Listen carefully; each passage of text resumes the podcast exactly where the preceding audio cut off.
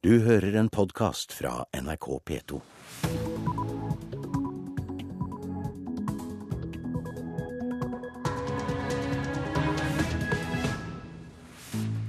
Velkommen til Nyhetsmorgen. Klokka er 6.30. Programleder i dag er Anne Gjertlund Hansen, og dette er hovedsakene våre. Puber og barer må få lov til å ha åpent så lenge de vil, mener Fremskrittspartiet. Det betyr at puben kan ha oppe hele døgnet hvis den ønsker, ja. Sier Kari Kjønaas Kjos. Det har ikke vært så mange skipsulykker her i landet på 15 år. Menneskelige feil må ta mye av skylda. Og folk er redd for å klage til kommunen sin fordi de frykter represalier, tror pasientombudet i Troms. Det kan eh, medføre represalier, f.eks. For i form av at eh, man eh, rykker tilbake på en venteliste som man står på.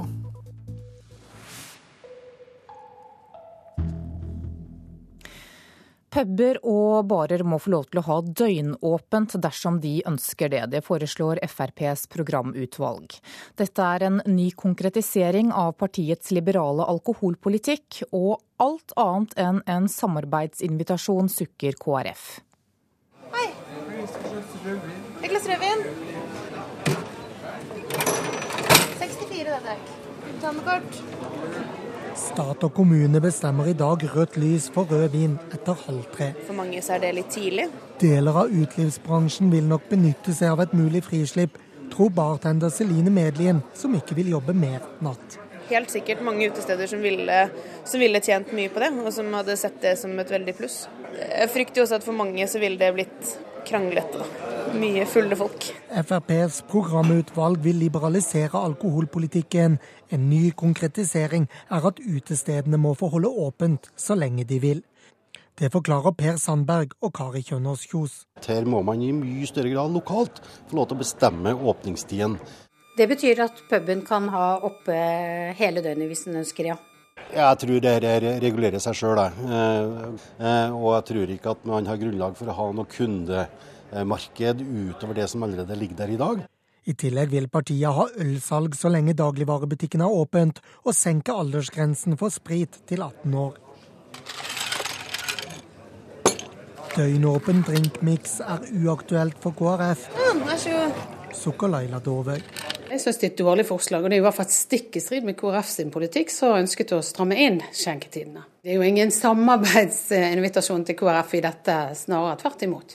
Reporter her var Lars Nehru Sand. Og det blir mer om denne saken her i Nyhetsmorgen etter klokka sju. Da skal vi få høre hva bransjen selv mener om et frislipp av skjenketider.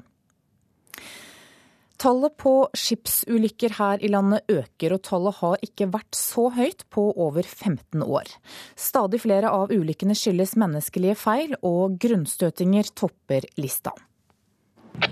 Ja, der du står nå, omtrent der du står nå, det tror jeg er bortimot bra linje. Losformannen står på en fjellknaus og forteller Kystverket at han har god utsikt til Holmen som ligger midt i en av landets mest ulykkesutsatte skipsleier. Men det kommer omtrent rett fundamentet på den hipen som står der. De skal plassere et nytt sjømerke for å unngå grunnstøtninger. Ikke på 15 år har det vært så mange skipsulykker i Norge som i dag. Det viser tall fra Kystverket og Sjøfartsdirektoratet. I forfjor var det 300 skipsulykker her i landet, og den negative utviklingen fortsetter. Til losformann Hans Jakob Lillebjelkes fortvilelse. Jeg syns det er tragisk, og det viktigste miljøvernet vi kan gjøre, det er jo å forhindre ulykker. Grunnstøtninger øker mest, og antallet er fordoblet de siste sju årene.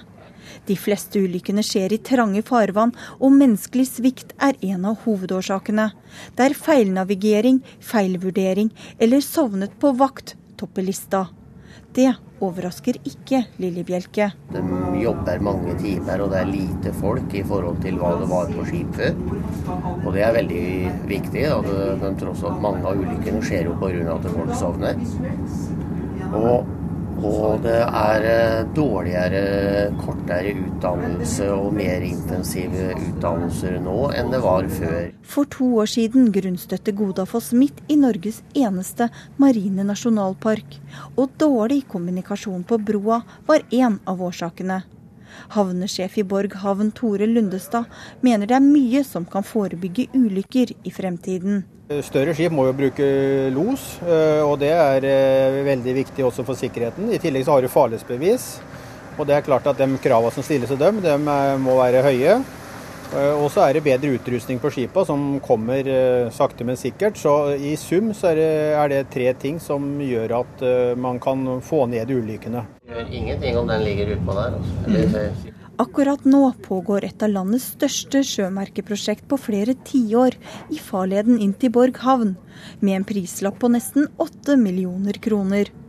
Håpet er å unngå ulykker som Godafoss, og nå skal hele norskekysten under lupen for å bremse den negative ulykkestrenden, bekrefter senioringeniør i Kystverket Steinar Hansen. Vi skal gå, eh, gjøre en farledsgjennomgang hele norskekysten.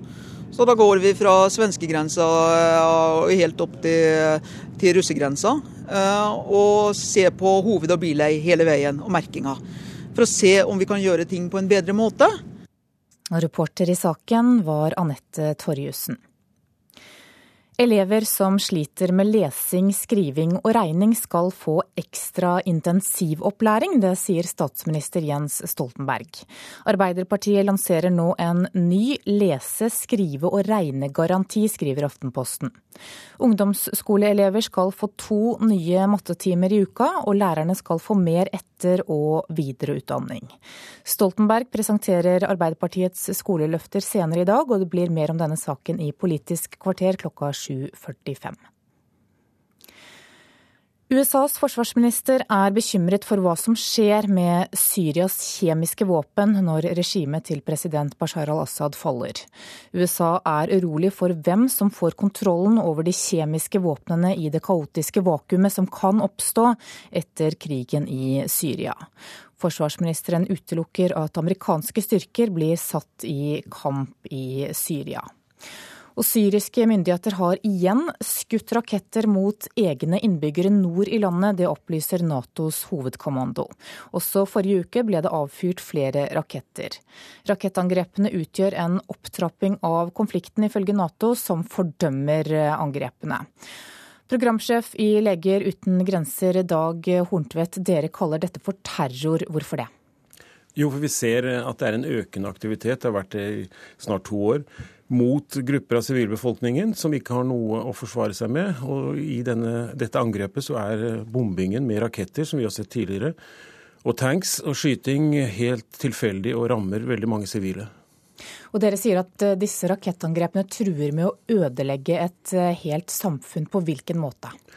Jo, det vi ser er at eh, store deler av disse områdene som blir kontinuerlig bombet, får ikke folk tak i et helsevesen. De får ikke hjelp for skader eller vanlige sykdommer. Det kan være fødsler.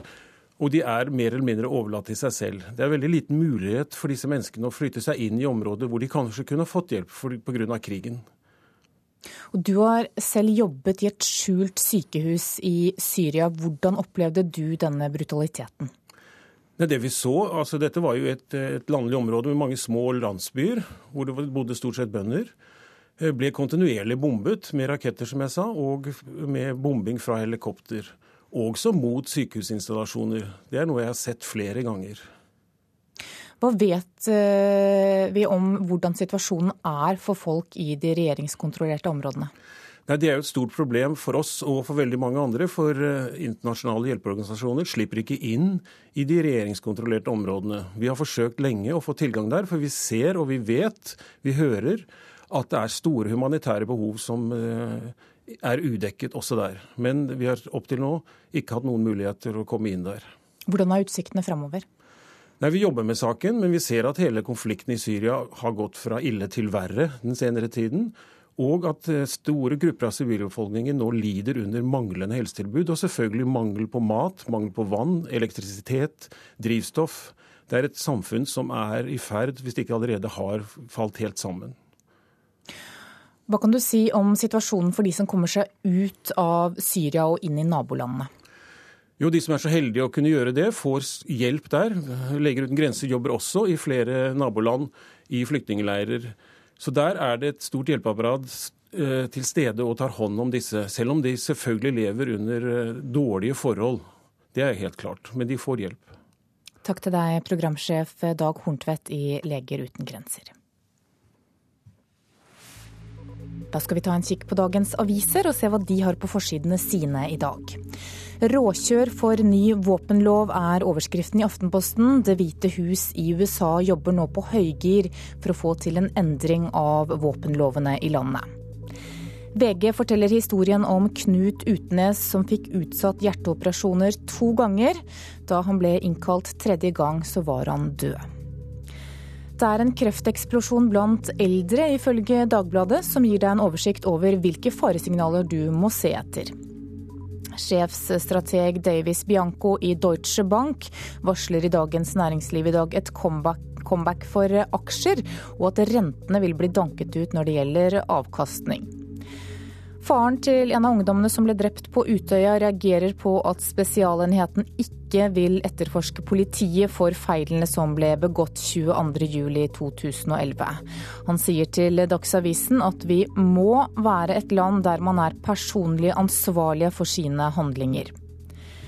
Bergens Tidende skriver at halvparten av de som klaget på avslag på asylsøknaden sin i fjor, fikk saken sin avgjort av en enkeltperson i Utlendingsnemnda.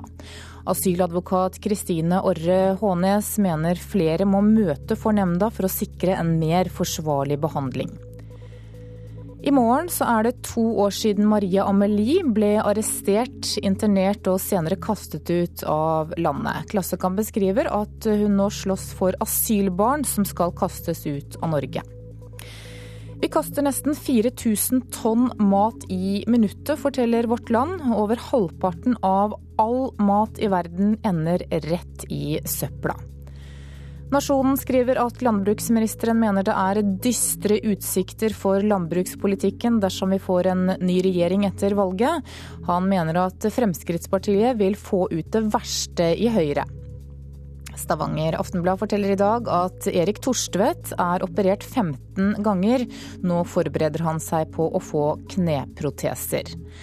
Bergensavisen varsler at det blir drømmeforhold i fjellet i helgen.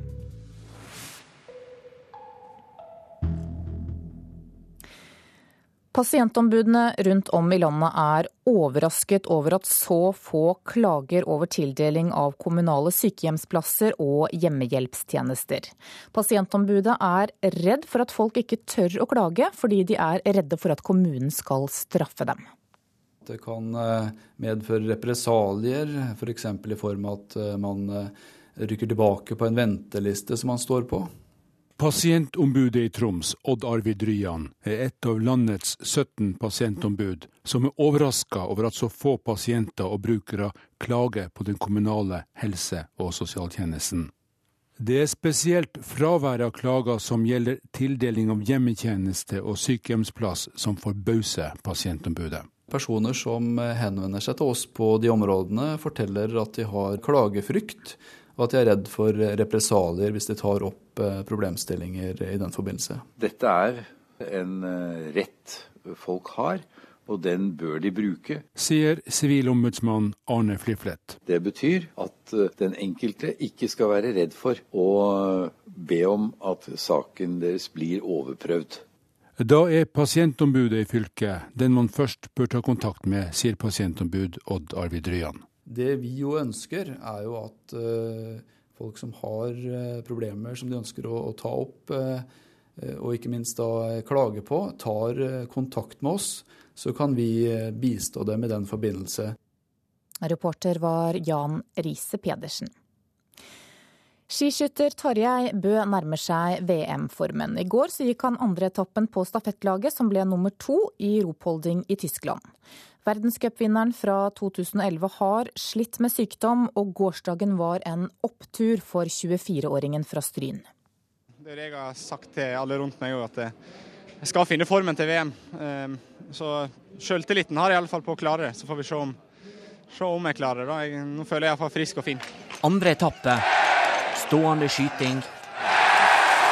Tyskerne hyller perfekt skyting av landsmann Birnbacher.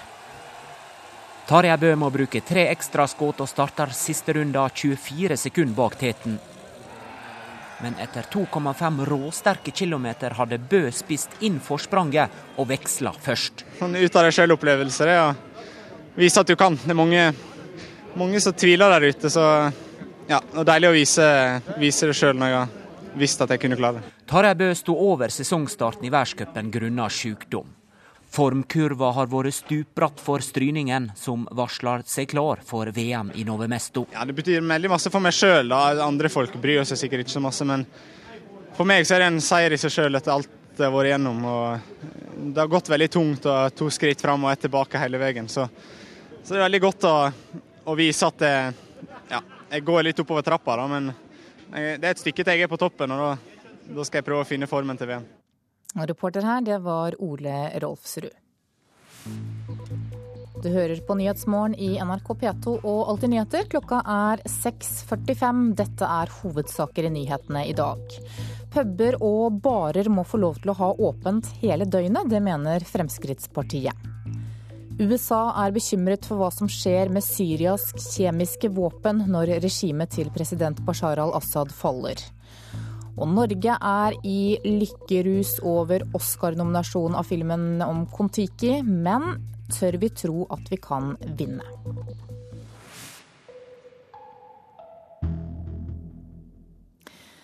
Den 43 år gamle mannen som er en av de to som er siktet i bildrapssaken i Klepp i Rogaland, mener at tele- og dataspor vil vise at han ikke var ute og kjørte da tolv år gamle Olav Hovda ble påkjørt forrige fredag.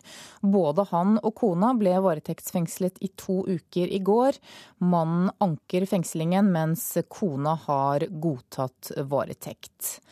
Og flere foreldre de ringer nå til Trygg Trafikk etter ulykken på Klepp, fordi de er bekymret for skoleveien til barna. På Hafrsfjord skole har mange av elevene opplevd nestenulykker med sykkel og til fots på vei til skolen. Jeg trodde det ikke var noen der, så syklet jeg forbi. Bare plutselig kom han veldig nærme, ble jeg veldig redd. Bare syklet jeg litt fort. En gang så kom det en bil, og så så jeg han ikke, så holdt jeg på å bli påkjørt. Elevene i 6B på Hafrsfjord skole i Stavanger har bilveier på flere kanter av skolen. Og en sykkeltur hjemmefra i morgenrushet kan ofte være mer skummelt enn gøy. Rett før du kommer helt ned, så er det en sving til venstre, så når du sykler, så er det jo ganske stor fart. Så av og til går det ikke an å se om det kommer biler, så av og til skal det komme en bil uten at du ser den. så Det er ganske skummelt. Vi får eh, hvert år en del klagesaker som gjelder skyss i forhold til farlig skolevei. Hjalmar Arnøy hos Fylkesmannen i Rogaland behandler klagene som sendes etter at kommunene har sagt nei til skyss pga. farlig skolevei. De to siste årene har antall klager vært ganske stabilt, men det er likevel over dobbelt så mange som klager i forhold til det det var i 2010. En kort gjennomgang som vi har hatt nå viser at det var ca. 17 saker i, eh, i 2011 og, og 6 saker i 2010. Så det har vært en oppgang fra 2010 til, til 2011. Hvorfor tror du det? Det har vi ikke noe godt svar på, rett og slett. Vi ser at i 2011 så var det eh, i en kommune et byggefelt som ble tatt i bruk, og at eh, det da kom en del saker knytta til det byggefeltet. Og Når dere skal krysse veien da, og gå over veien, er det mange som gjør det på vei til skolen? Ingrid Lea Mæland i Trygg Trafikk er på besøk i sjette klassen i Hafrsfjord. Dere er gode forbilder for de som går i første klasse og andre klasse, og som er mindre enn dere. Og Foreldrene de skal òg være gode forbilder, men det er ikke alltid at de er det. Men om foreldrene ikke alltid er de beste forbildene, så er det mange av de som har blitt veldig bekymra etter ulykken på Klepp for en uke siden. Det har Trygg Trafikk merka. Vi har fått en strøm av telefoner òg nå fra foreldre, spesielt etter den siste ulykka. Det gjør vi jo stort sett hele tida, men spesielt nå, der de er opprørte over skoleveien til ungene. Det er farlige krysningspunkt, det er manglende gang- og sykkelveier. Så der har vi en, en lang vei å gå fortsatt, selv om det som sagt er blitt en bedring. Altså, jeg tenker jo mest at uh, særlig med det med Olav Hovda, så er det jo sjåføren som skal skjerpe seg og se Han brukte jo refleks. De bruker jo refleks, de barna. De som er flinkest til det, er voksne som uh, bruker det minst. Jeg ser veldig mange voksne i helt svarte klær som driver og sykler uten hjelm midt ute på gata. Det syns jeg er dumt. Jeg syns ungene er en enorm ressurs, og de må vi bruke i større grad. Både i planleggingsarbeidet og i forhold til hvor det skal gjøres strakstiltak. De, en, de har, kjenner det på kroppen hver dag. Og for at det skal bli bedre, mer penger og politisk vilje. Første steg i Hafrsfjord er en endring av parkeringsplassen ved skolen, men det gjenstår mye i hele fylket. Det gjøres veldig mye rundt i kommunene, og det har blitt en forbedring på skoleveien generelt sett, men det er langt igjen. Reporter var Inger Johanne Stenberg.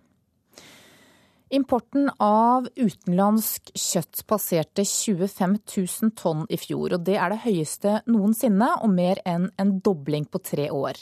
Storfekjøtt står for om lag 70% av importen, og én av fem biffer kommer nå fra utlandet.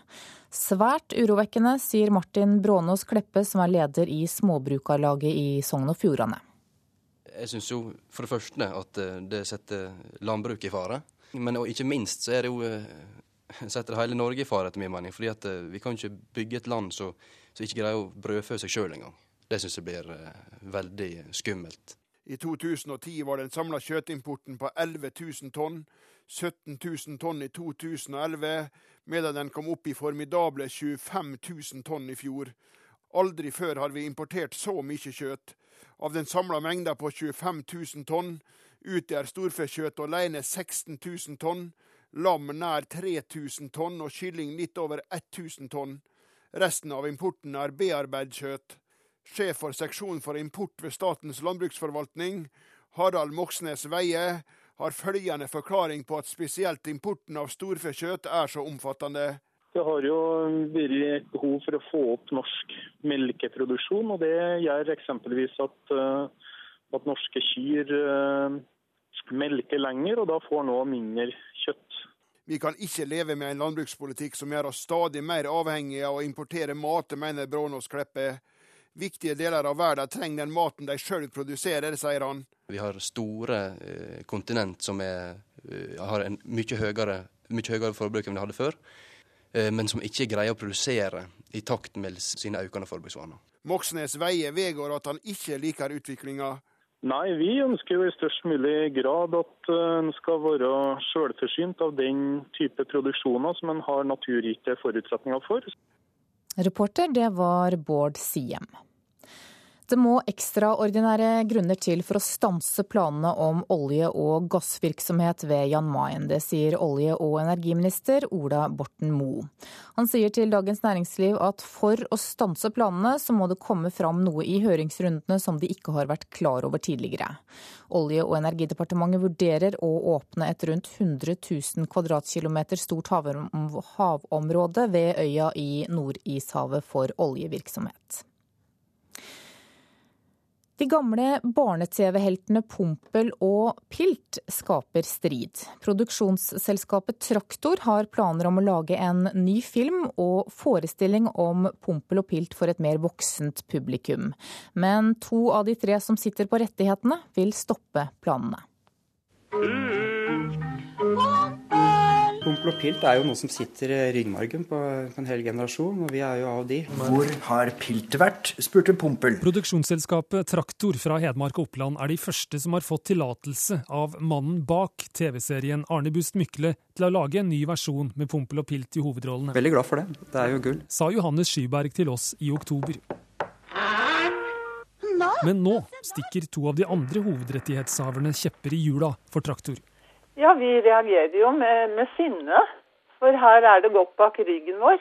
Sier Bjørg Mykle, en av de tre rettighetshaverne til dokketeaterserien. Hun ønsker ikke tillate at Pompel og Pilt skal gjenoppstå i en postapokalyptisk sammenheng, og får støtte av den tredje rettighetshaveren, Ebbe Ording. Jeg må jo si at jeg reagerer i utgangspunktet på at uh, jeg ikke er blitt kontaktet i det hele tatt. Alle trodde dette var slutt, for det var ett sted Satan. Dette er en pilt på vei hjem fra et evnemøte midt på natta. I pilotfilmen som Traktor har laget, foregår handlingen i en postapokalyptisk verden etter atombomben, der dokkene havner på bar og drikker seg fulle.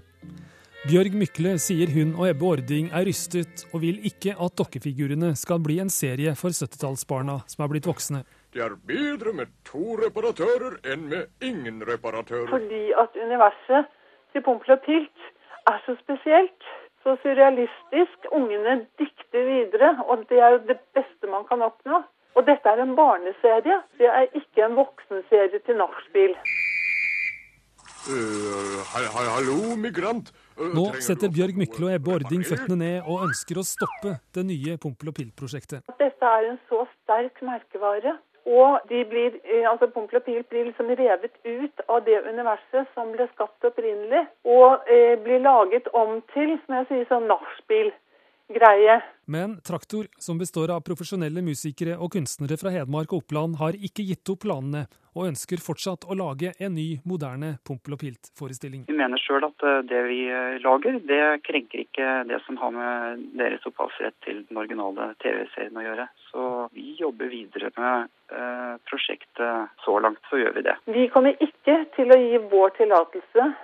Pompel og Pilt er bra som de er, det. Pompel og Pilt! Reporter her, det var Stein S. Eide.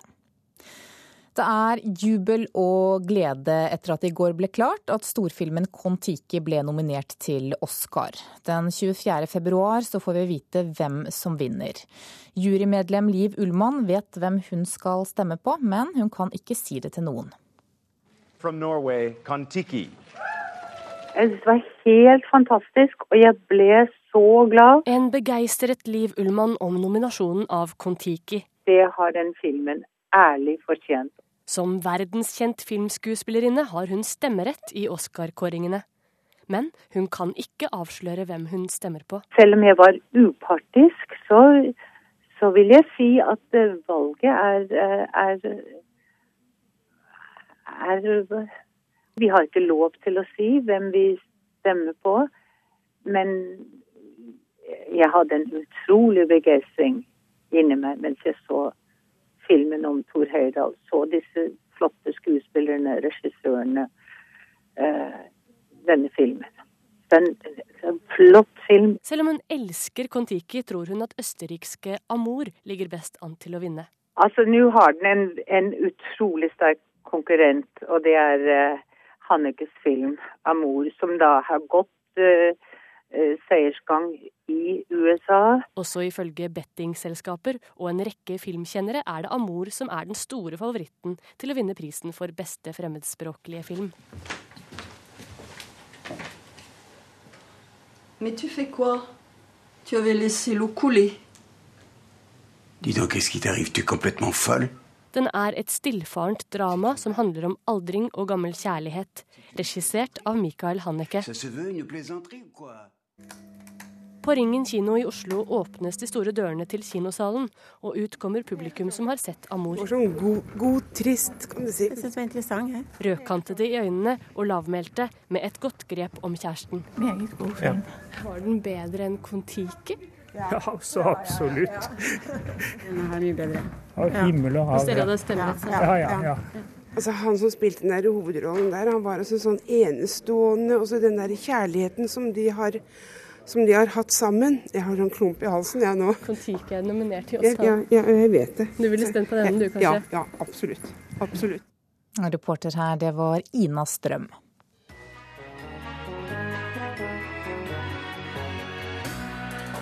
Silvio Berlusconi er tilbake. I en hesblesende rekke intervjuer på italiensk TV gjør han det nå klart at han er framtidas mann, at venstresida er farlige kommunister, og at Mario Monti er fjernstyrt fra Tyskland. Kjedelig blir det i hvert fall ikke med Silvio tilbake i politikken. Hør mer i Radioselskapet på P2 klokka 11. Men nå så skal vi ha et værvarsel som gjelder til midnatt. Fjellet i Sør-Norge kan vente seg østlig bris i dag og stort sett pent vær. Agder, Telemark og Østlandet nordøstlig bris. Frisk bris på kysten, opphold og perioder med pent vær.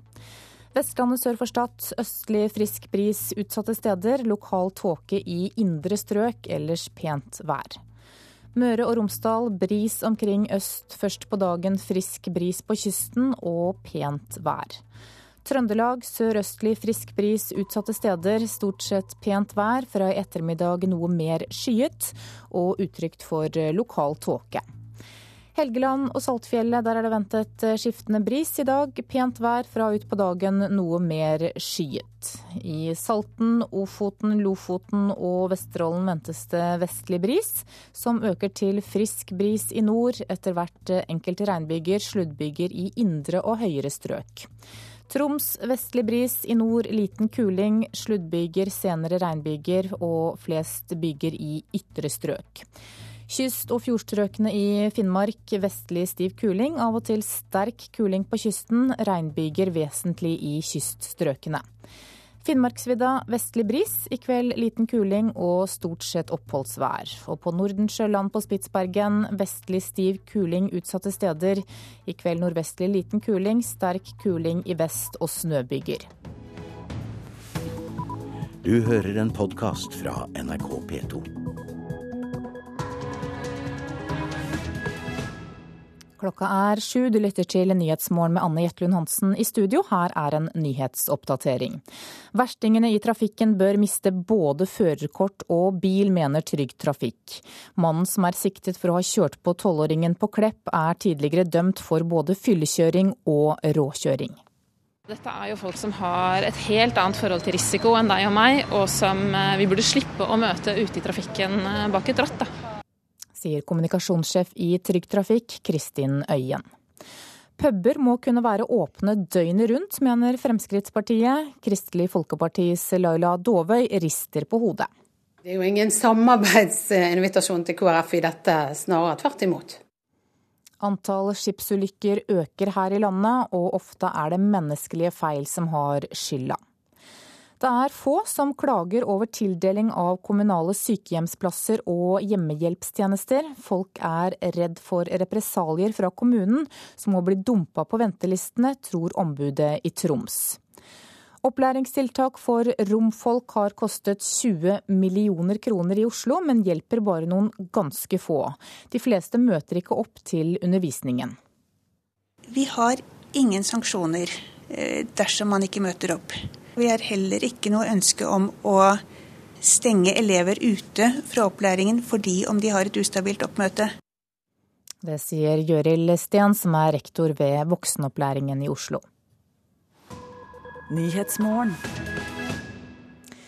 Vi må slå hardere ned på verstingene i trafikken, det mener Trygg Trafikk. I går så ble et ektepar i 40-årene varetektsfengslet siktet for å ha kjørt på tolv år gamle Olav Hovda fra Klepp i Rogaland. Tolvåringen døde senere av skadene han ble påført. Mannen som er siktet, er tidligere dømt for både fyllekjøring og råkjøring. Politiet har lov til å ta fra bilførere både førerkort og bil, og det bør de gjøre oftere, sier kommunikasjonssjef Kristin Øyen i Trygg Trafikk. Man må bruke de hjemlene som ligger der egentlig til å frata folk både retten til å kjøre bil, og i de tilfellene hvor folk heller ikke måte respekterer det at de ikke lenger har førerkort, så mener vi at man kan eh, da eh, skilte av bilen deres. Det er ikke alltid tilfeldigheter som gjør at trafikkulykker skjer.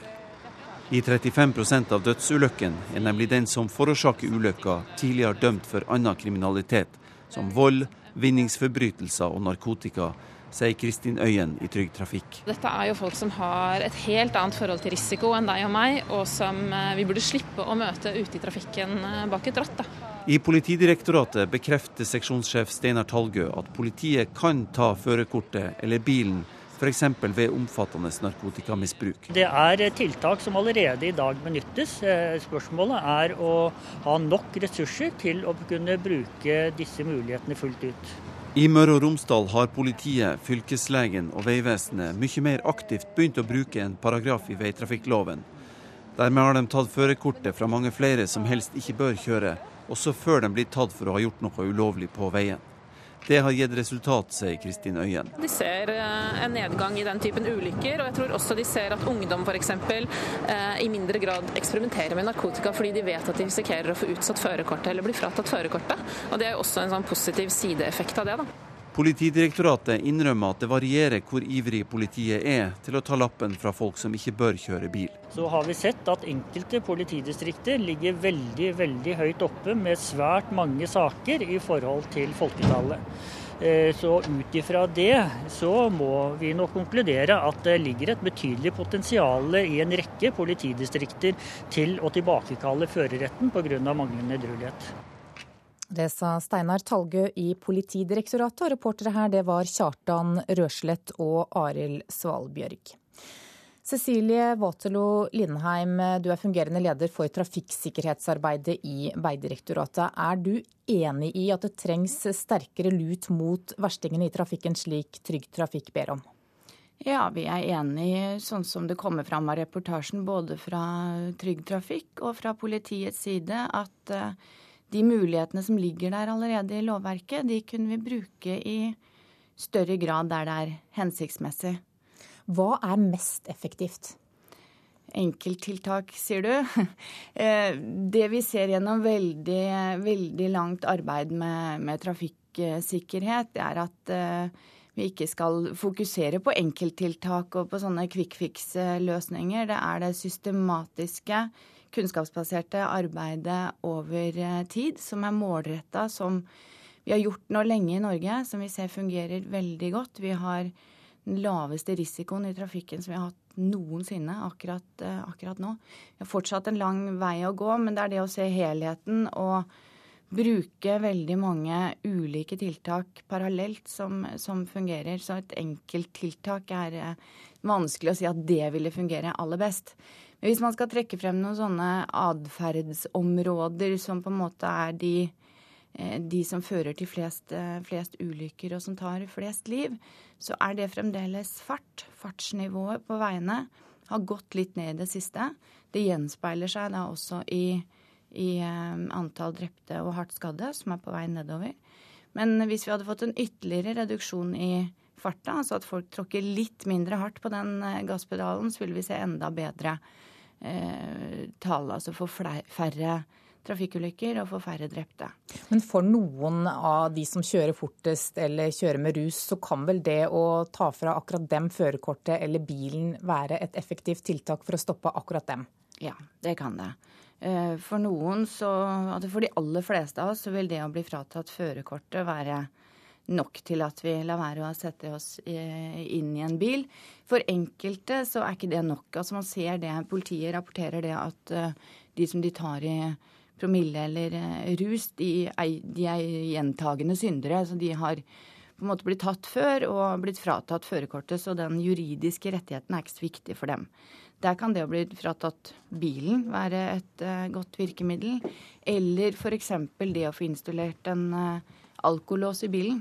Altså en uh, innretting som gjør at hvis du, hvis du setter deg i bilen og har promille, så vil, vil ikke bilen starte. Det har hatt gode erfaringer i andre land, og vi er liksom på trappene til å kunne se på bruk av alkolås som et alternativ til inndraging av førerrett for for folk som har blitt tatt med, med promille. da. Takk til deg, Cecilie Waterloo Lindheim, som er fungerende leder for trafikksikkerhetsarbeidet i Vegdirektoratet.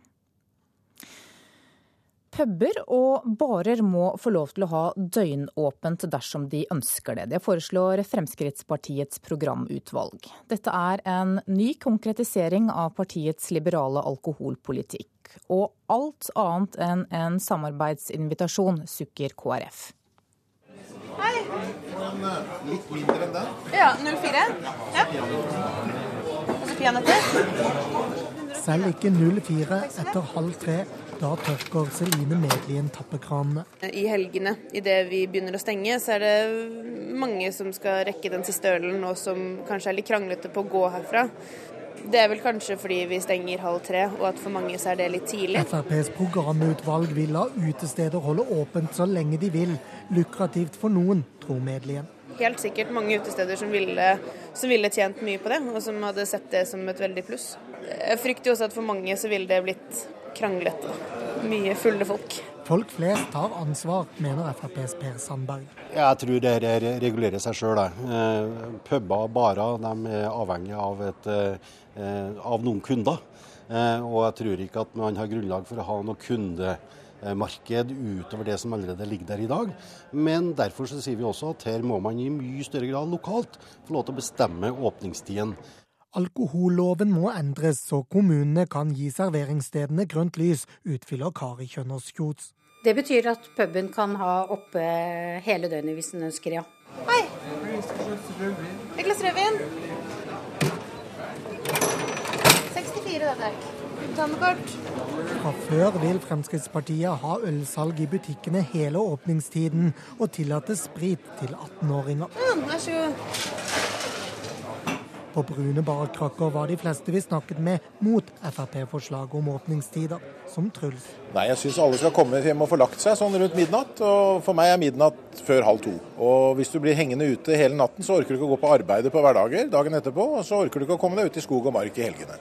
Vårum gir forslaget en sjanse hvis byen er trygg. Eh, det fungerer jo i mange andre storbyer at man har den muligheten til å kunne gå fra et sted til annet utover eh, natta uten at eh, man skal være utrygg av den grunn. Men eh, da må de vel få først orden på byen her, da kanskje. Og så vil det vel ikke det være noe problem. Politisk er døgnåpent uteliv et stort problem for KrF. Og Laila Dåbøy. Jeg syns det er et dårlig forslag, og det er i hvert fall stikk i strid med KrF sin politikk, som ønsket å stramme inn skjenketidene. Det er jo ingen samarbeidsinvitasjon til KrF i dette, snarere tvert imot. Reporter her, det var Lars Nehru Sand. Hilde Charlotte Solheim, velkommen til Nyhetsmorgen. Takk. Direktør for reise i Norge i hovedorganisasjonen Virke. Dere organiserer deler av utelivsbransjen. og hva syns næringa selv om et slikt frislipp på skjenketider? Det er en bransje med en del eh, overetablering, og det finnes sikkert aktører som vil omfavne dette. Men den seriøse næringen, ikke minst de store aktørene som tar seg av nattestid, altså nattklubber og kulturscener, roper ikke på en liberalisering. Hvorfor ikke? Fordi det er dyrt å holde sent. Og det er eh, ikke et veldig veldig stort marked i Norge. Vi har ikke mange store byer.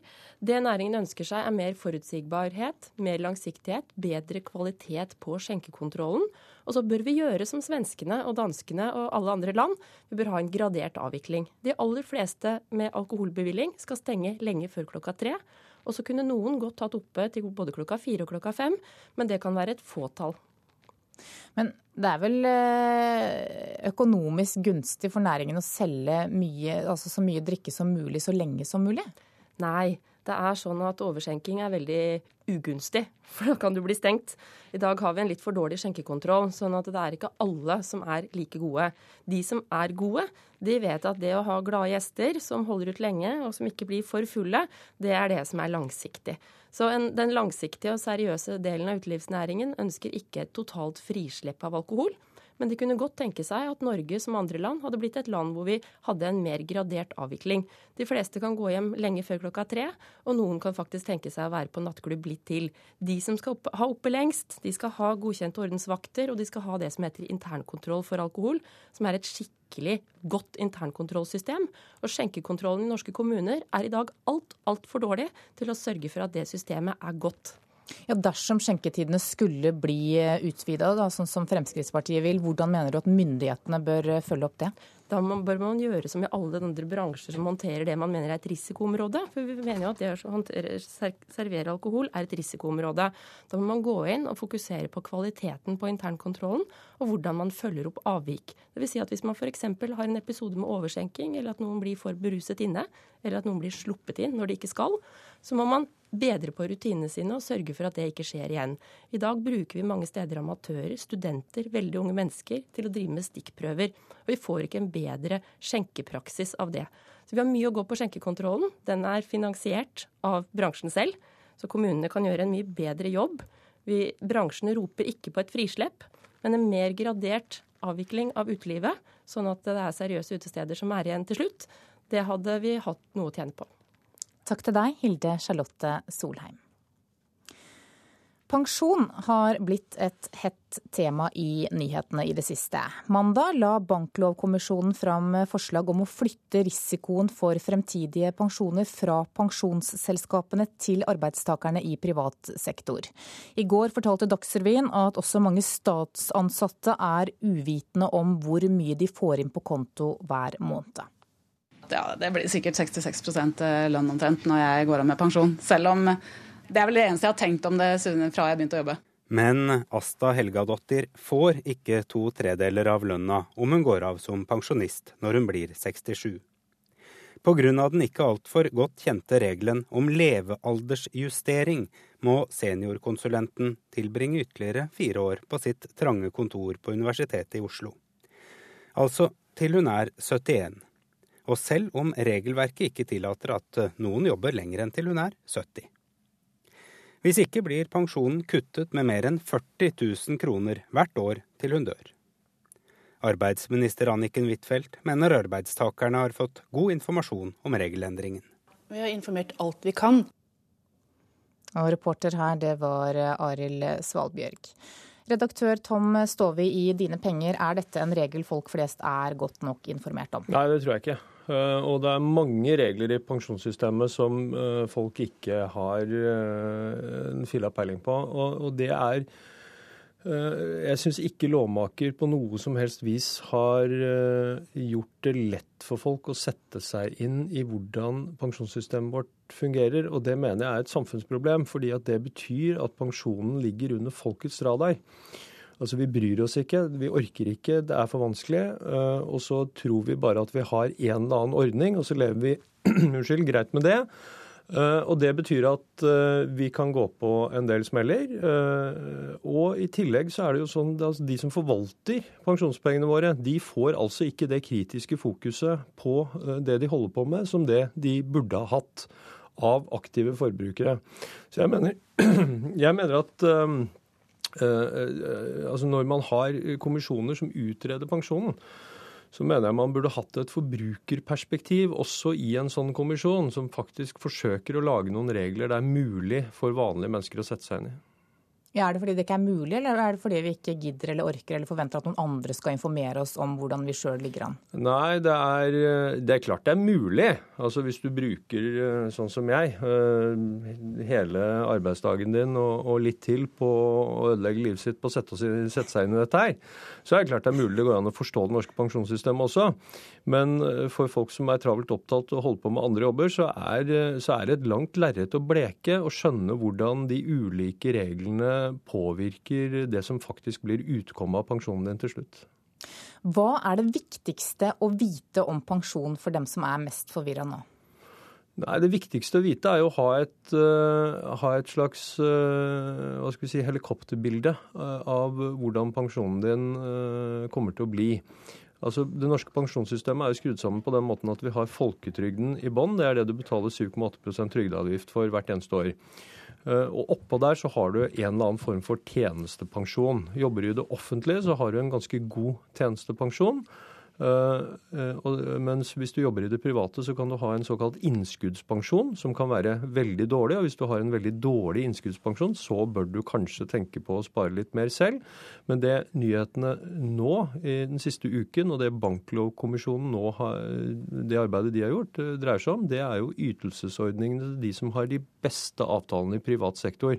Det er de 300 400 000 menneskene som nå får endret pensjonen sin dramatisk, og de bør absolutt følge med på hva som skjer. Fordi Det er et annet interessant poeng her. Det er nemlig at eh, det du blir bestukket av arbeidsgiveren din for, for å gå på jobben hver dag, det er jo summen av lønn og andre goder. Eh, og pensjonen din er det viktigste gode ved siden av den lønnen som blir betalt ut hvert eneste år. Og da må du som arbeidstaker ha en, eh, et slags begrep om hvor høy verdi, hvor høy årlig verdi den pensjonen din har. Hvis ikke så blir det veldig vanskelig for deg å sammenligne jobbtilbud f.eks., eller eh, å gå i lønnsforhandlinger og si at hvis arbeidsgiveren din nå sier ja, men her har vi en fantastisk god pensjonsordning, den er verdt så mye, så vi kan ikke gi deg mer lønnsøkning. Da må du vite hvor mye det er, for å kunne argumentere imot. Takk til deg, redaktør Tom Stovi i Dine penger. Klokka er 7.18. Du hører på Nyhetsmorgen. Dette er hovedsaker i dag. Vi vil ikke møte råkjørere og fyllekjørere i trafikken. Ta fra dem både førerkort og bil, sier Trygg Trafikk. Fremskrittspartiet går inn for døgnåpne puber og barer. Dette er ingen samarbeidsinvitasjon akkurat, svarer Kristelig Folkeparti. Og det er stadig flere skipsulykker her i landet. Menneskelige feil har mye av skylda.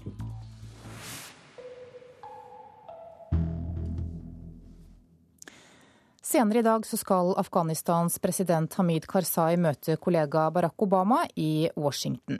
USA og Nato har vedtatt at det militære oppdraget i Afghanistan skal være avsluttet innen utgangen av 2014.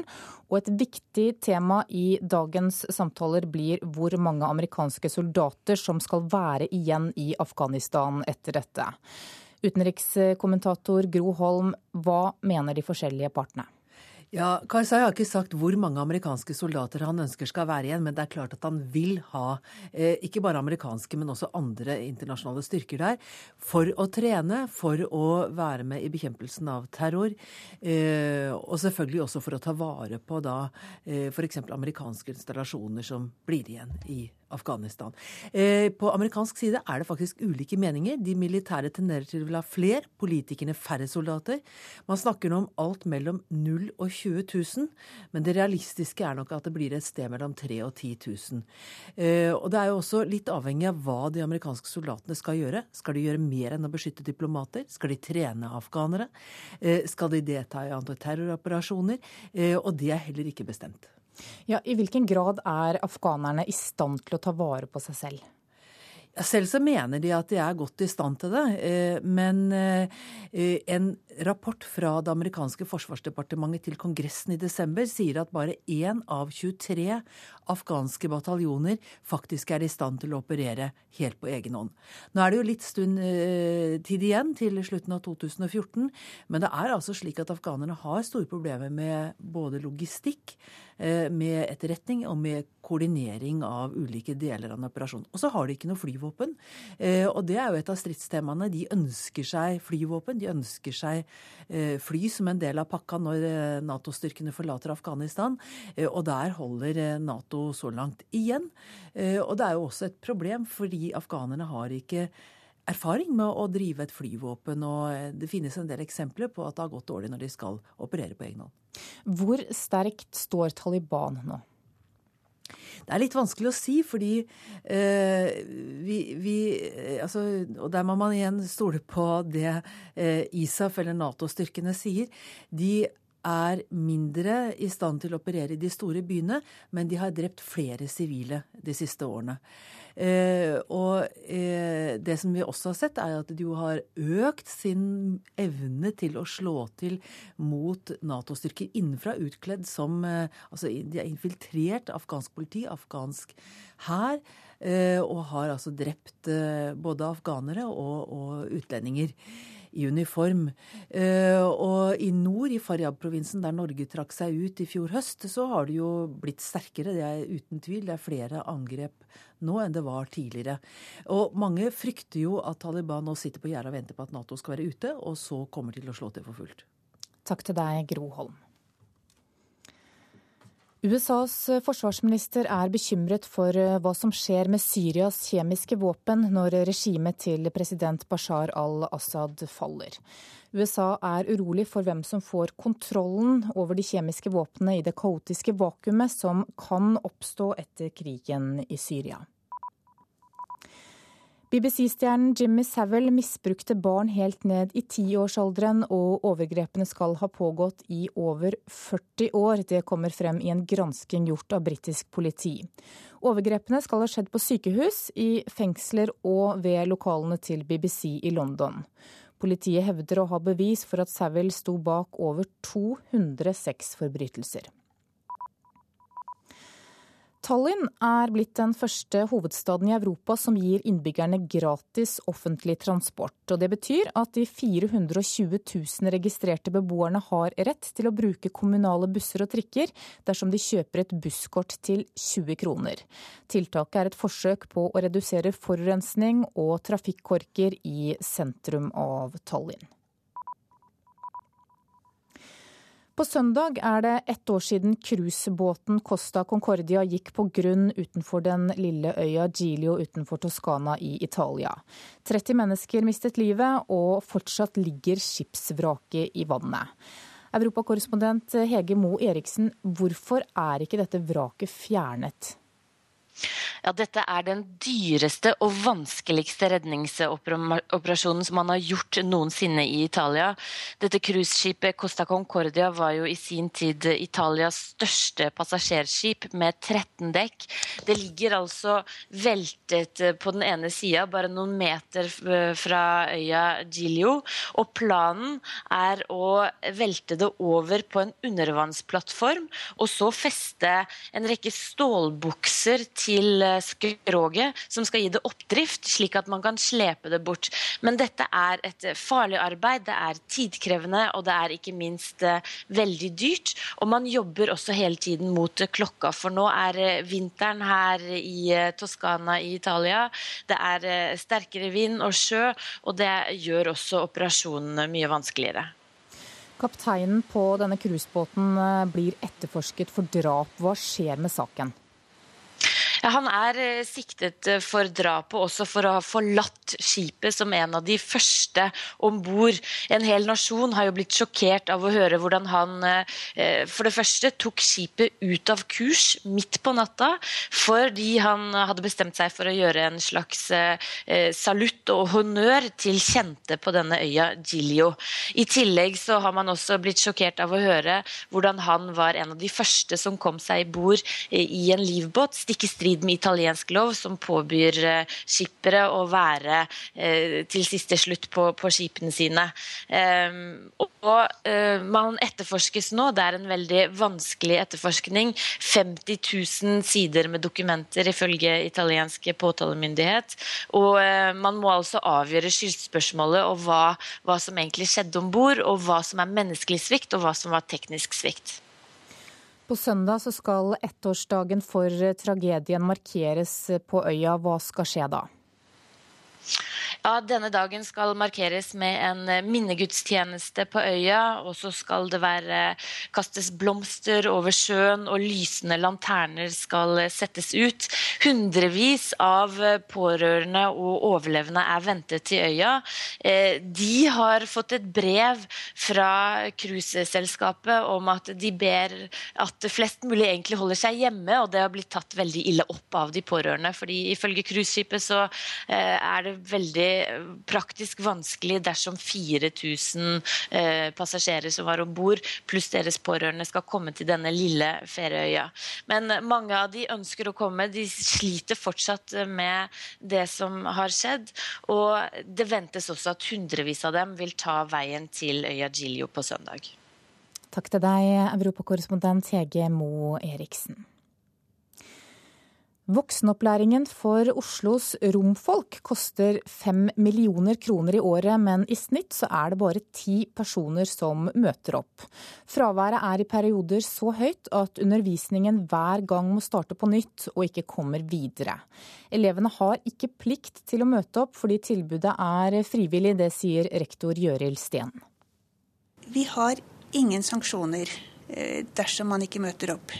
Vi har ingen økonomiske sanksjoner, og vi har heller ikke noe ønske om å stenge elever ute fra opplæringen fordi om de har et ustabilt oppmøte. Det finnes om lag 700 norske romfolk. Det er rom som har bodd her i landet i flere generasjoner og er folkeregistrert i Norge.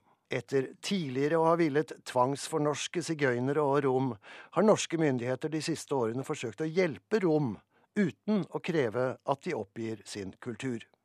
Det skal skje ved at de lærer å lese og skrive, slik at de får bedre muligheter på arbeidsmarkedet og bedre boforhold. Rektor Gjøril Steen sier hver elev koster mindre enn en halv million kroner, fordi prosjektet også gir veiledning om det norske samfunnet. Dette er eh, to tiltak som er tett forbundet. Der veiledningen primært har som oppgave å styrke Roms eh, møte med norske offentlige tjenester.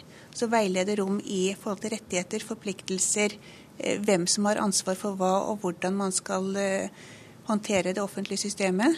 Og opplæringen primært har til oppgave å styrke Roms kompetanse på de grunnleggende ferdighetene knyttet til lesing, skriving, regning, IKT.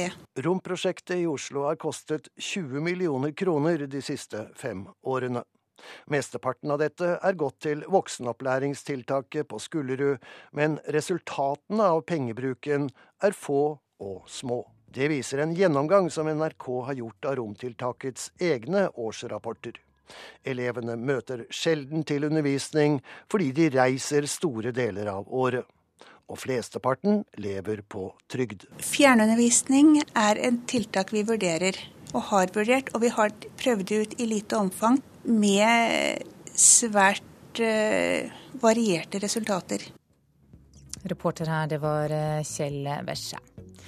Den neste halvtimen så får du Dagsnytt 7.30 her i Nyhetsmorgen. Etterpå skal vi høre at Argentina og Storbritannia nå trapper opp ordkrigen om Falklandsøyene. Og i Politisk kvarter så får du høre at Jens Stoltenberg presenterer Arbeiderpartiets skoleløfter senere i dag. Det blir det mer om klokka 7.45.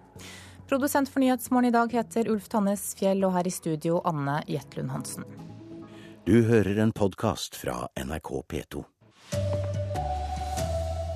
Frp vil ha døgnåpne puber, men utelivsnæringa er skeptisk. Trygg Trafikk vil ha strengere regler overfor trafikkbøller.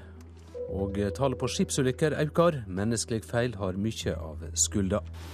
Ja, god morgen, her er NRK Dagsnytt. Klokka er 7.30.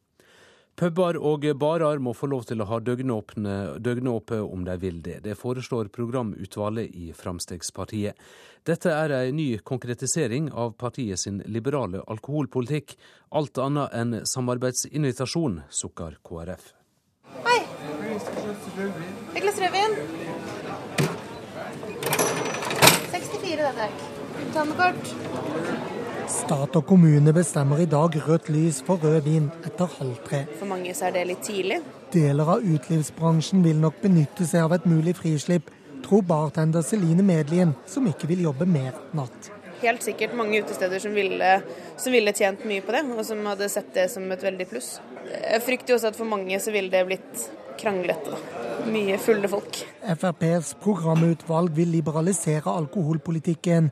En ny konkretisering er at utestedene må få holde åpent så lenge de vil. Det forklarer Per Sandberg og Kari Kjønaas Kjos. Her må man i mye større grad lokalt få lov til å bestemme åpningstiden. Det betyr at puben kan ha oppe hele døgnet hvis den ønsker, ja. Jeg tror det regulerer seg sjøl. Og jeg tror ikke at man har grunnlag for å ha noe kundemarked utover det som allerede ligger der i dag. I tillegg vil partiet ha ølsalg så lenge dagligvarebutikken har åpent, og senke aldersgrensen for sprit til 18 år.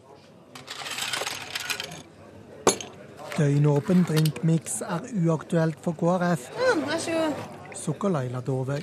Jeg syns det er et dårlig forslag, og det er i hvert fall stikk i strid med KrF sin politikk, som ønsket å stramme inn skjenketidene. Det er jo ingen samarbeidsinvitasjon til KrF i dette, snarere tvert imot.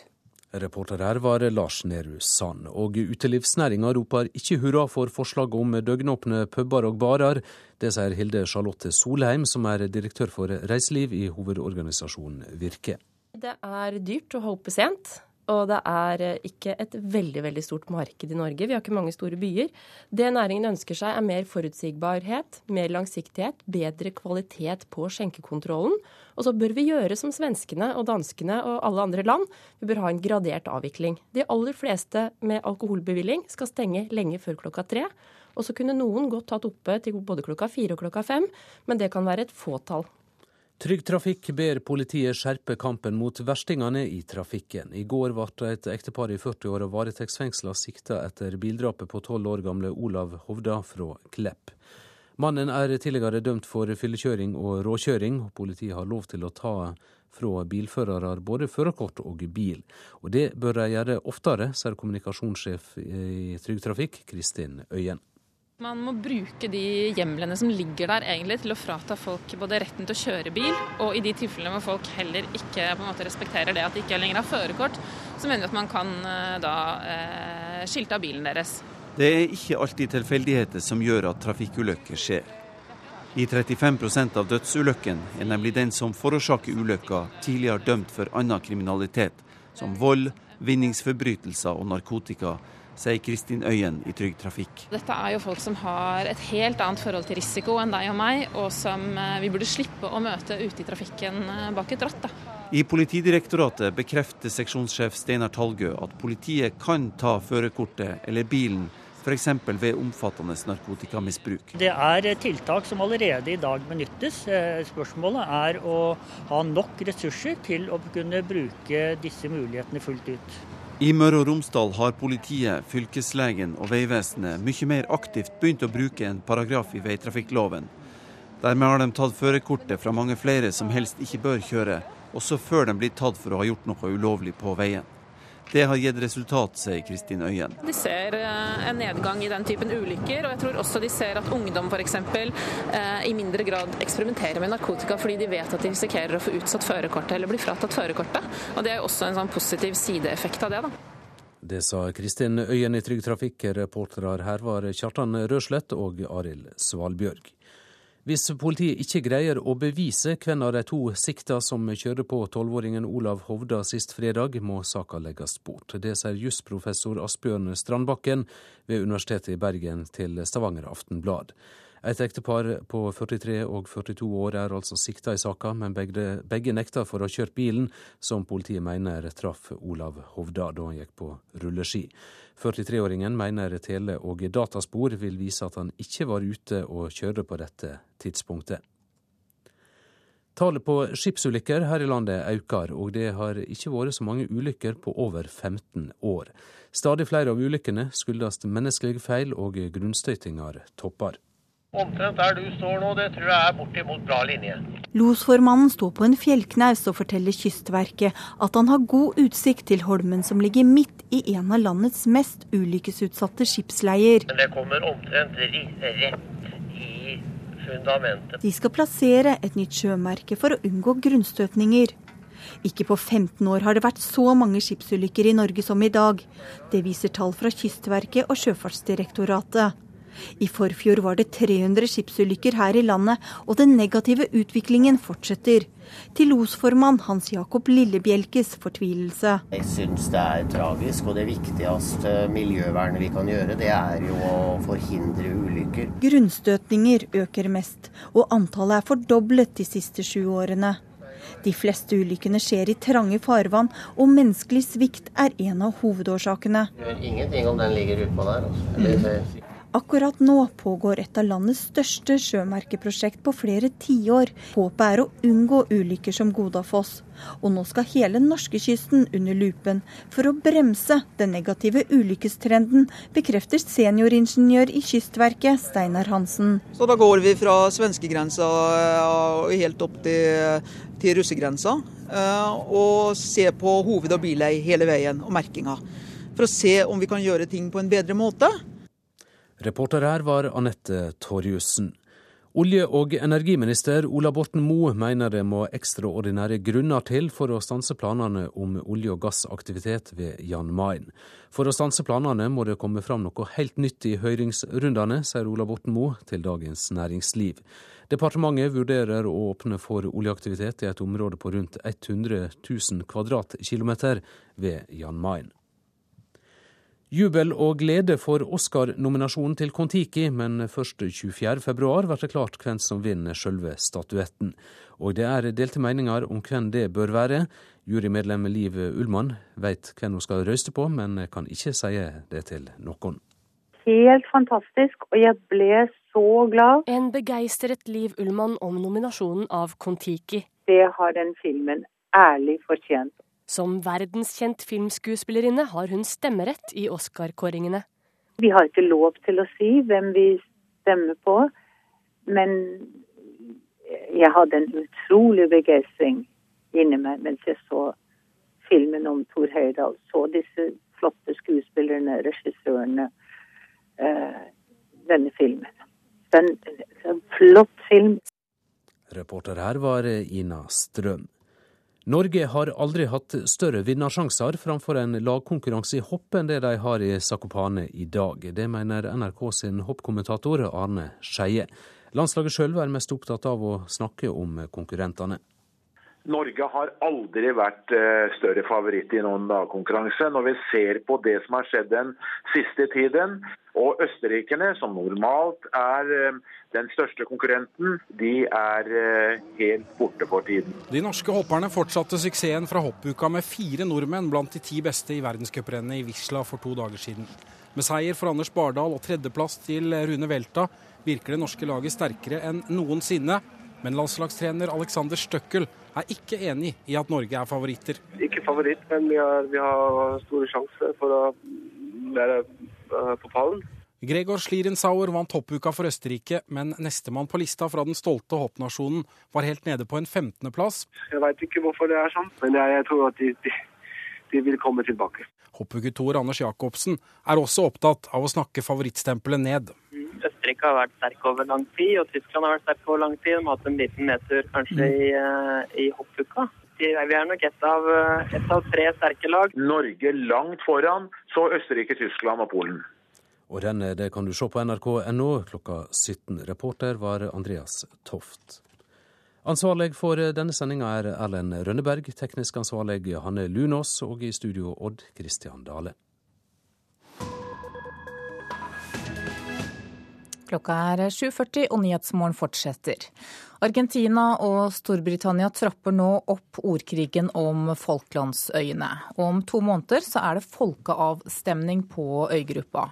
Den britiske statsministeren sier han vil forsvare øyene, om nødvendig med militær makt. Samtidig krever argentinske myndigheter en slutt på det de kaller et kolonistyre fra det forrige århundret.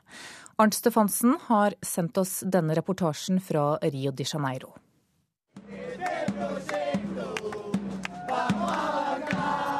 Unge argentinere demonstrerer foran Casa Rosada, presidentpalasset i hovedstaden Buenos Aires. På sine bannere har de skrevet et krav som en hel nasjon står bak. Vi krever at britene gir tilbake Malvinas øyene.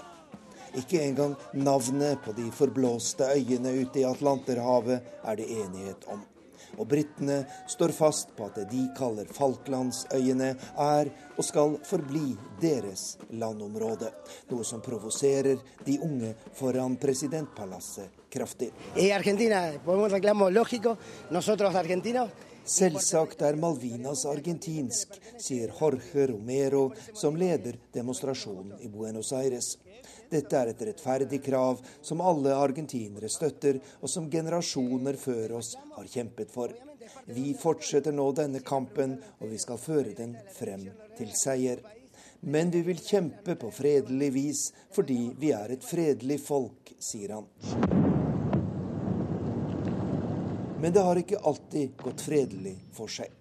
For drøyt 30 år siden okkuperte det argentinske militærregimet Malvinas-øyene, noe som førte til full krig med Storbritannia. Den 74 dager lange konflikten endte med et ydmykende nederlag for Argentina, og rundt 650 argentinske soldater mistet livet. Quite simply, the future of the Falkland Islands should be determined by the Falkland Islanders themselves. Ut fra britisk logikk er konflikten enkel. De drøyt 2000 som bor på Falklandsøyene, ønsker å tilhøre Storbritannia, og de vil bekrefte dette i folkeavstemningen som skal holdes nå i mars.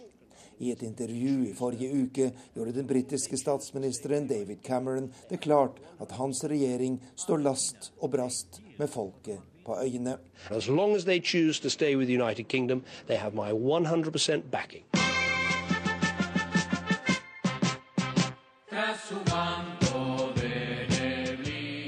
Men her i Latin-Amerika er logikken en annen. For Argentina og mange andre land på dette kontinentet er britenes nærvær i Sør-Atlanteren et gufs fra fortiden. Et titalls søramerikanske land stengte i fjor sine havner for anløp fra Malvinasøyene, og det gir argentinske myndigheter full støtte i sitt krav overfor FN om forhandlinger med britene om øyenes fremtidige status og kjente internasjonale Latin-Amerika-eksperter støtter det argentinske synet.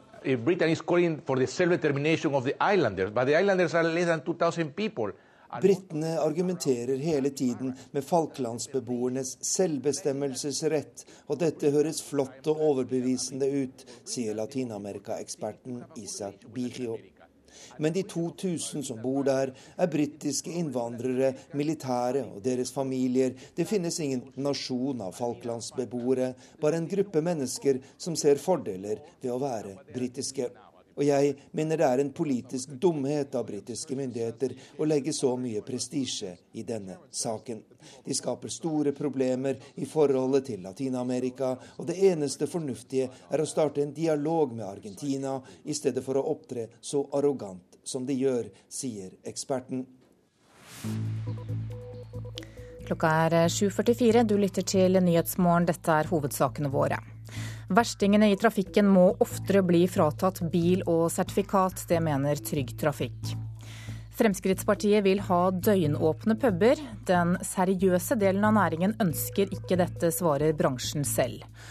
Og det har ikke vært så mange skipsulykker her i landet som nå på 15 år. Årsaken er ofte menneskelig svikt.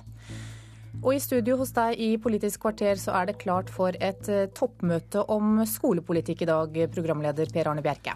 Ja, for regjeringen vil innføre lese- og skrivegaranti for å hjelpe svake elever. Er dette en innrømmelse av at det ikke står så bra til i norsk skole?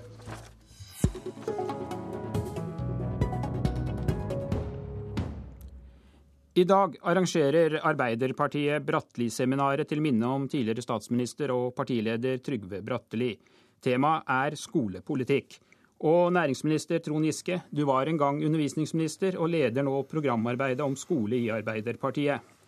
Aftenposten skriver i morges at dere vil innføre en lese-, skrive- og regnegaranti for å hjelpe svake elever. Betyr det at dere nå innrømmer at det er for mange elever som faller utenfor i dagens skolesystem? Nei, det er en erkjennelse av at eh, det vi nå har gjort de siste årene med å intensivere innsatsen i de tidlige skoleårene, gir resultater. Nå regner norske tiåringer best i Norden.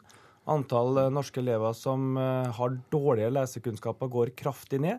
Så det er erfaringa vår med at dette faktisk hjelper elevenes kunnskaper kraftig, som gjør at vi vil fortsette den retninga. Hvis du ser til Finland, så er det dette de virkelig gjør. Sette inn masse innsats i de første årene og spare mye penger på spesialundervisning men, når elevene blir eldre. Men hvis erfaringen er så bra, så hadde det ikke vært nødvendig med en slik garanti for å hjelpe de som faller utenfor?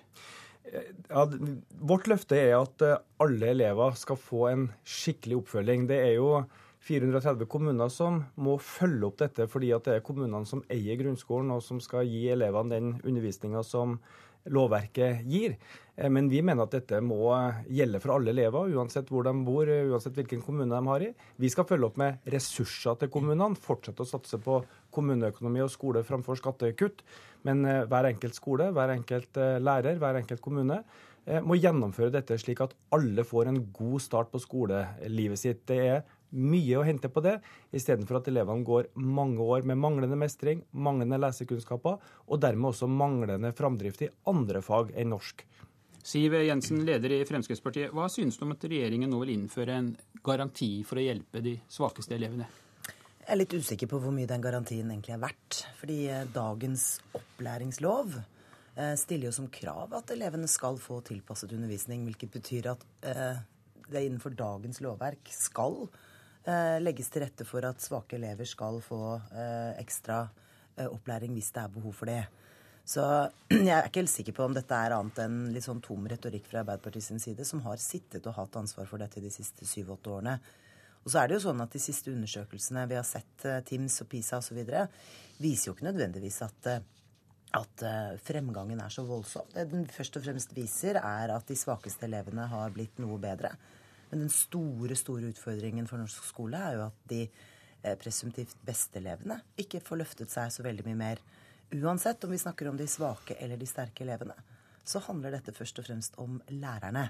Og jeg tror nok at det fremste våpenet vi må ta i bruk for å heve kvaliteten i norsk skole, det er bedre etter- og videreutdanning for lærere, sånn at du får gode, kvalifiserte lærere i skolen. Ja, Giske, for å ta fatt i dette med lærerne, for I dette programforslaget så vil dere jo nå ikke eh, ansette flere lærere. Er ikke det et brudd på det dere sa i Soria Moria-plattformen? Nei, jeg tror det eneste vi, som statsministeren sa i intervjuet, var at han ikke kunne love hvor mange flere lærere ja, skal bli. Men det betyr at det ikke blir flere lærere, sånn som jeg leser ham iallfall? Ja, det, jeg tror det blir flere lærere, rett og slett fordi at eh, jeg tror økt lærertetthet er en av måtene å få bedre oppfølging av hver enkelt elev. Eh, det sørger vi for gjennom å bruke titalls milliarder på kommunene som ansetter og etterutdanner lærere, istedenfor å bruke dem på skattekutt. Dette er jo det vesentligste bidraget til en eh, god skole.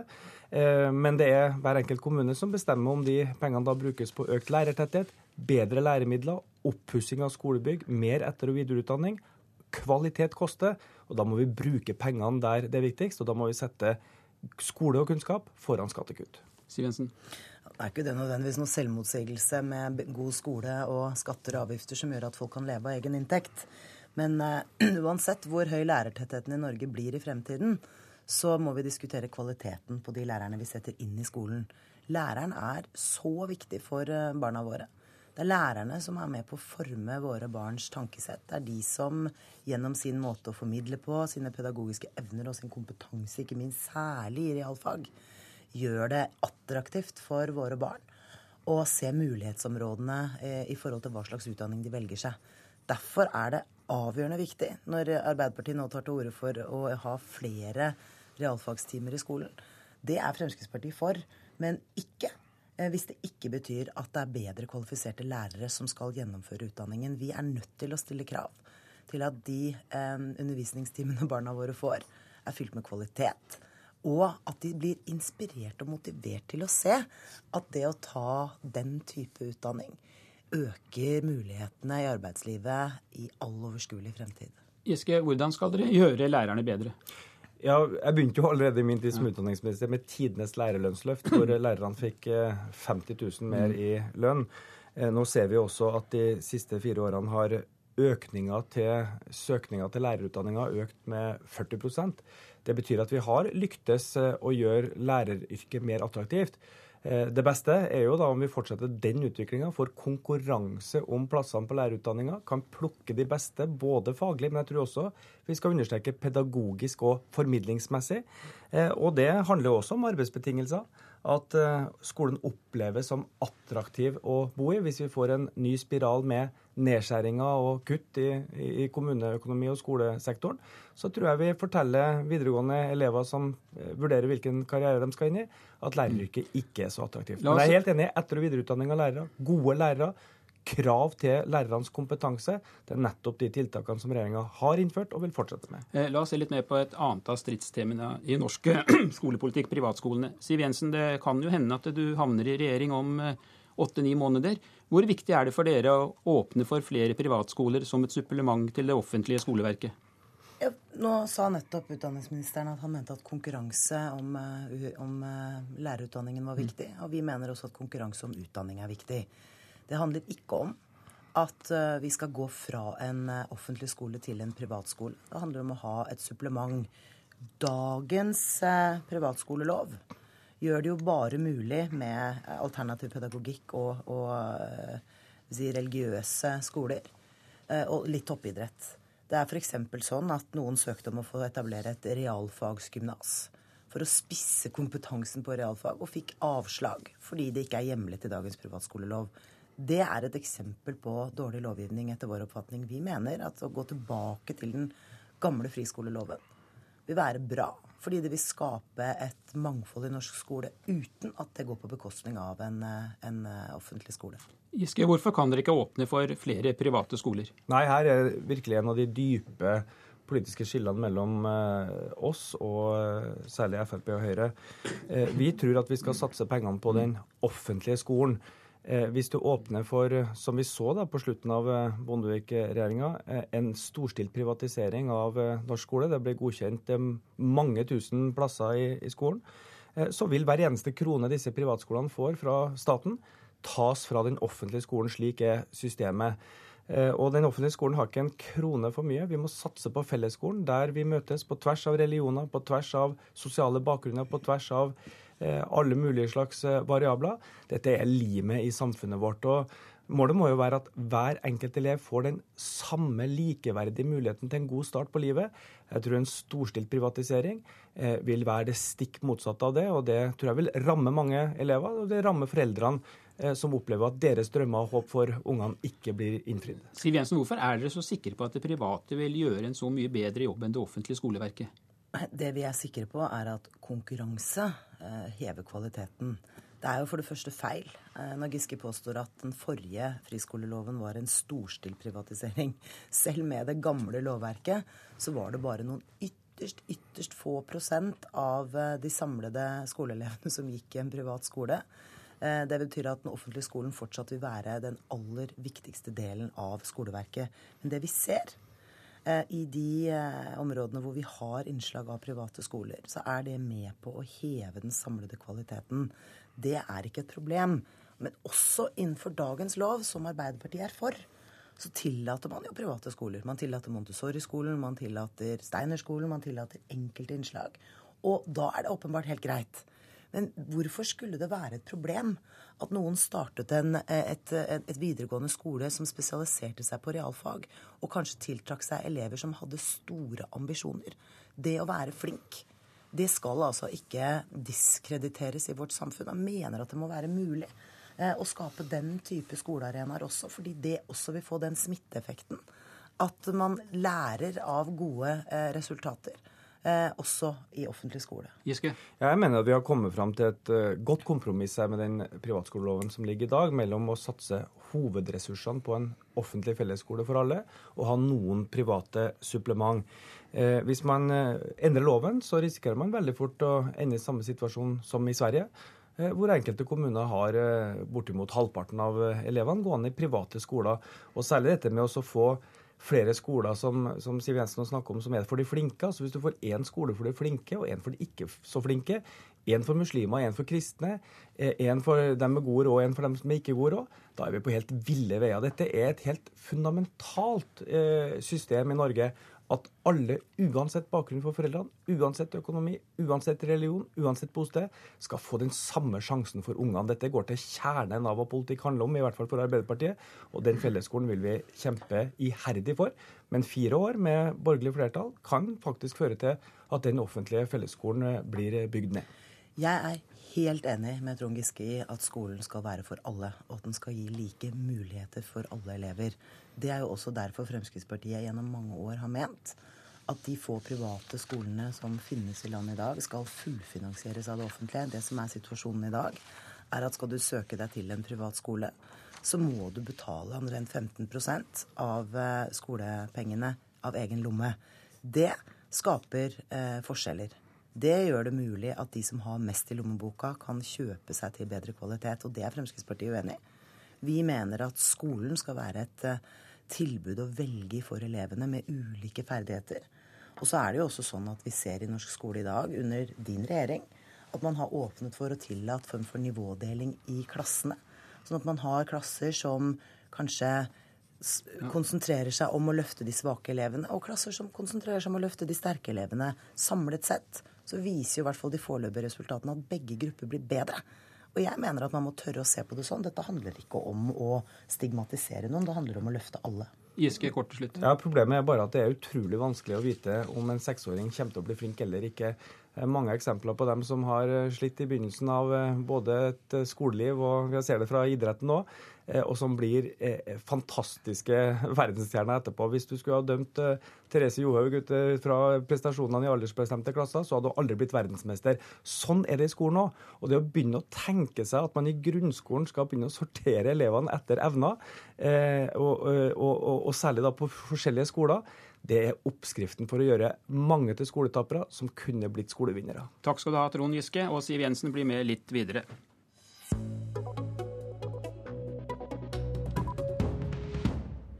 Ja, Siv Jensen, som vi hørte i morges, så foreslår programkomiteen i Fremskrittspartiet å åpne kranene slik at det skal bli mulig med døgnåpne barer.